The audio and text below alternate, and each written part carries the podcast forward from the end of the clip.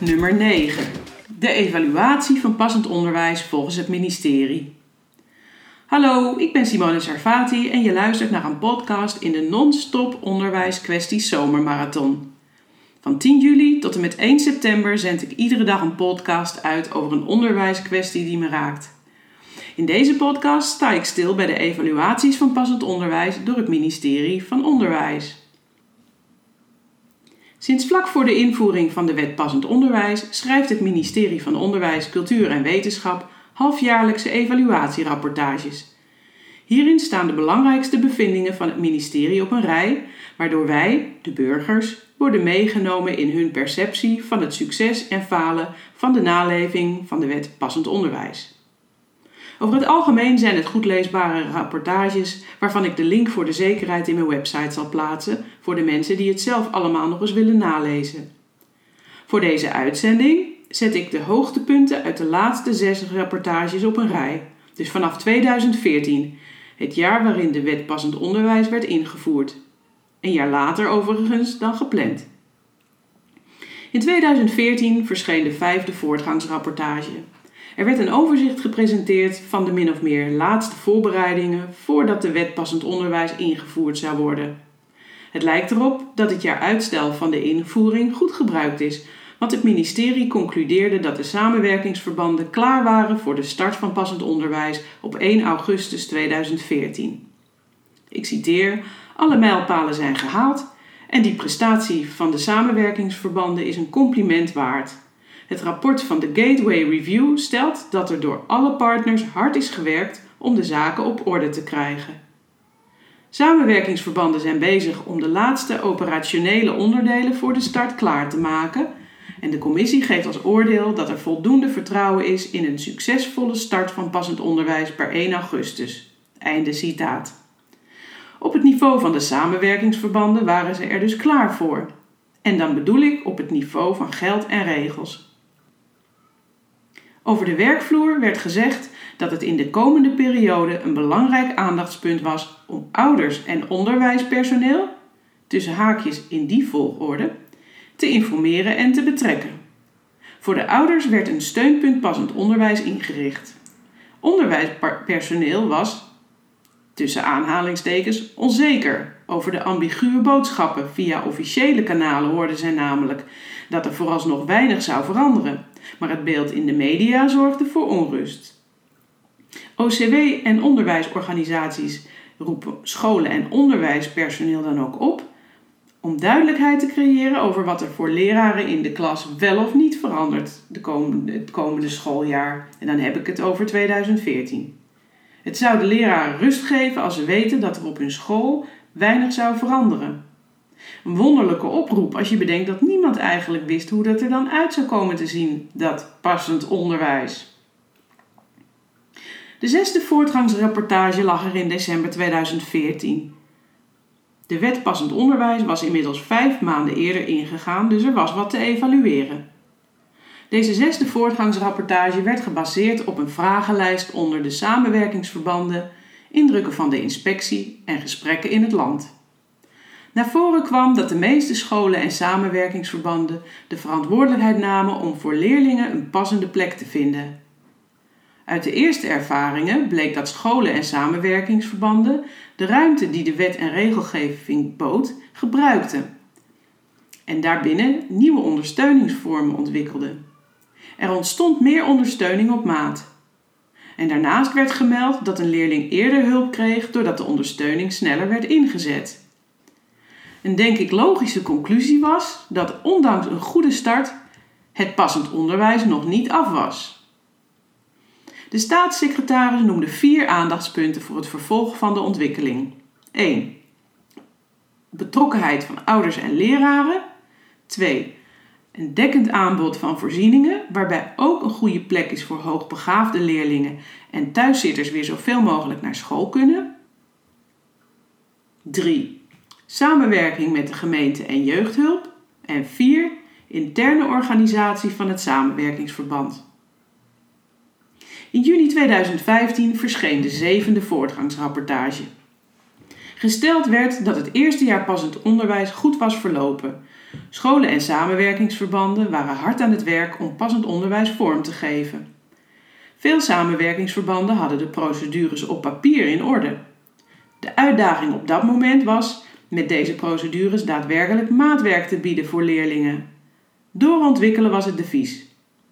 Andere uitdagingen waren het beter in beeld krijgen van thuiszitters, het bieden van maatwerk voor ernstig meervoudig beperkte leerlingen en uitwisseling.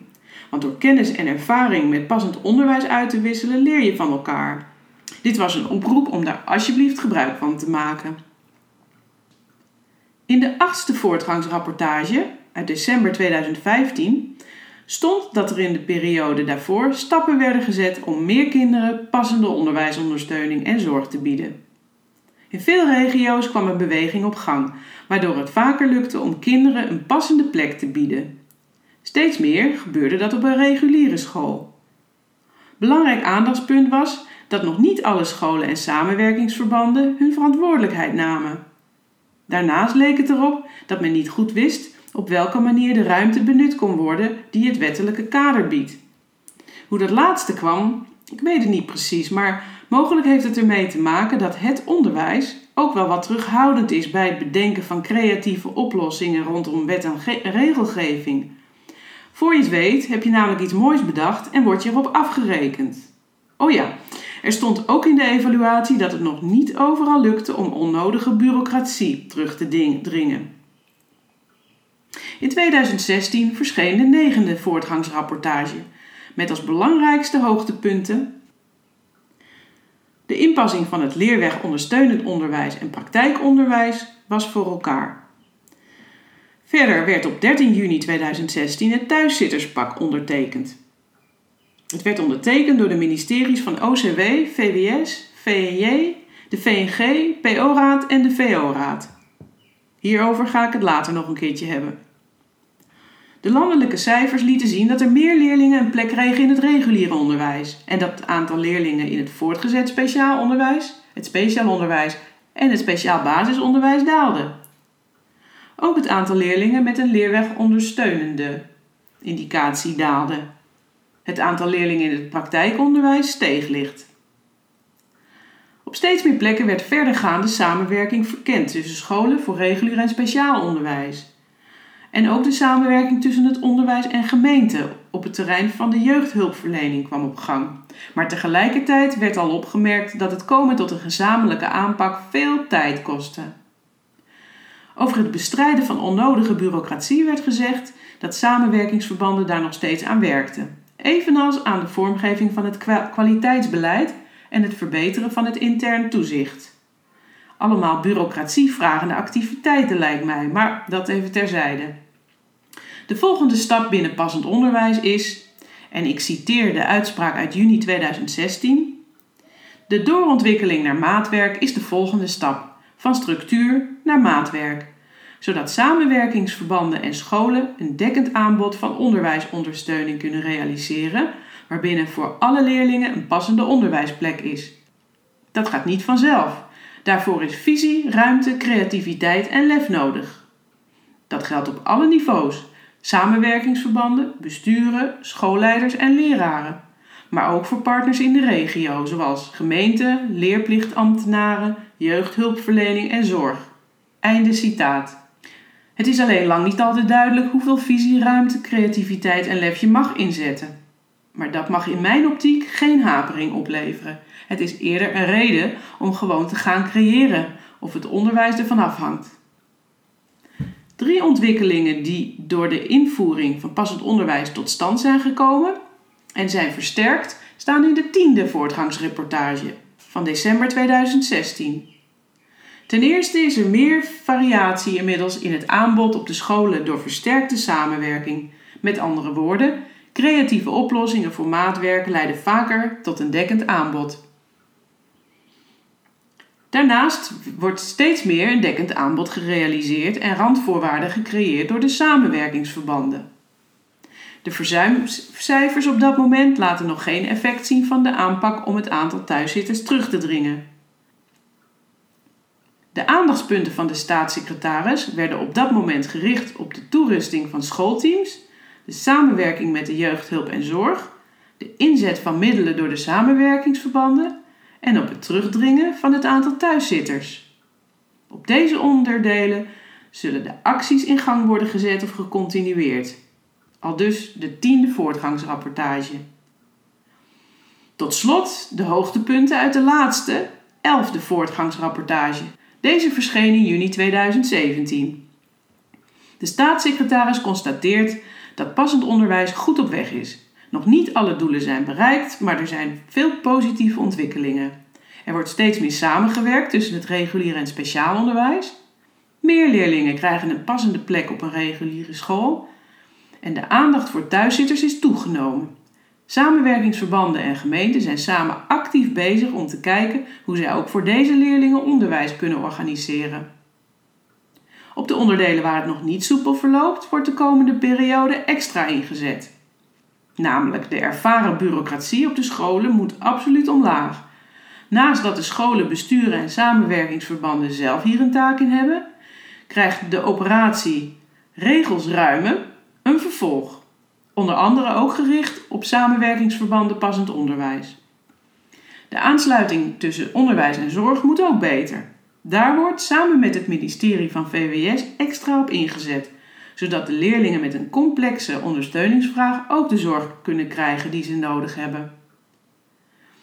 Na het verschijnen van deze elfde voortgangsrapportage stapt het ministerie straks over naar jaarlijkse rapportages. De kop van de invoering van de wet passend onderwijs is eraf en wij stappen door. Dit was het voor vandaag. Wil jij een keer meedoen met een opname? Of heb je een onderwijskwestie die je met mij wil opnemen? Stuur dan een mailtje naar simone.sarfati.nu. Als je het interessant vond, deel deze podcast, zeg het voort of abonneer je op deze podcast via de iTunes Store. Weet dat ik het waardeer en weet ook dat je meer informatie over passend onderwijs kunt vinden op mijn website www.sarfati.nu. Sarfati met PH en IE. Bedankt voor het luisteren, een zomerse groet en tot passend weerziens.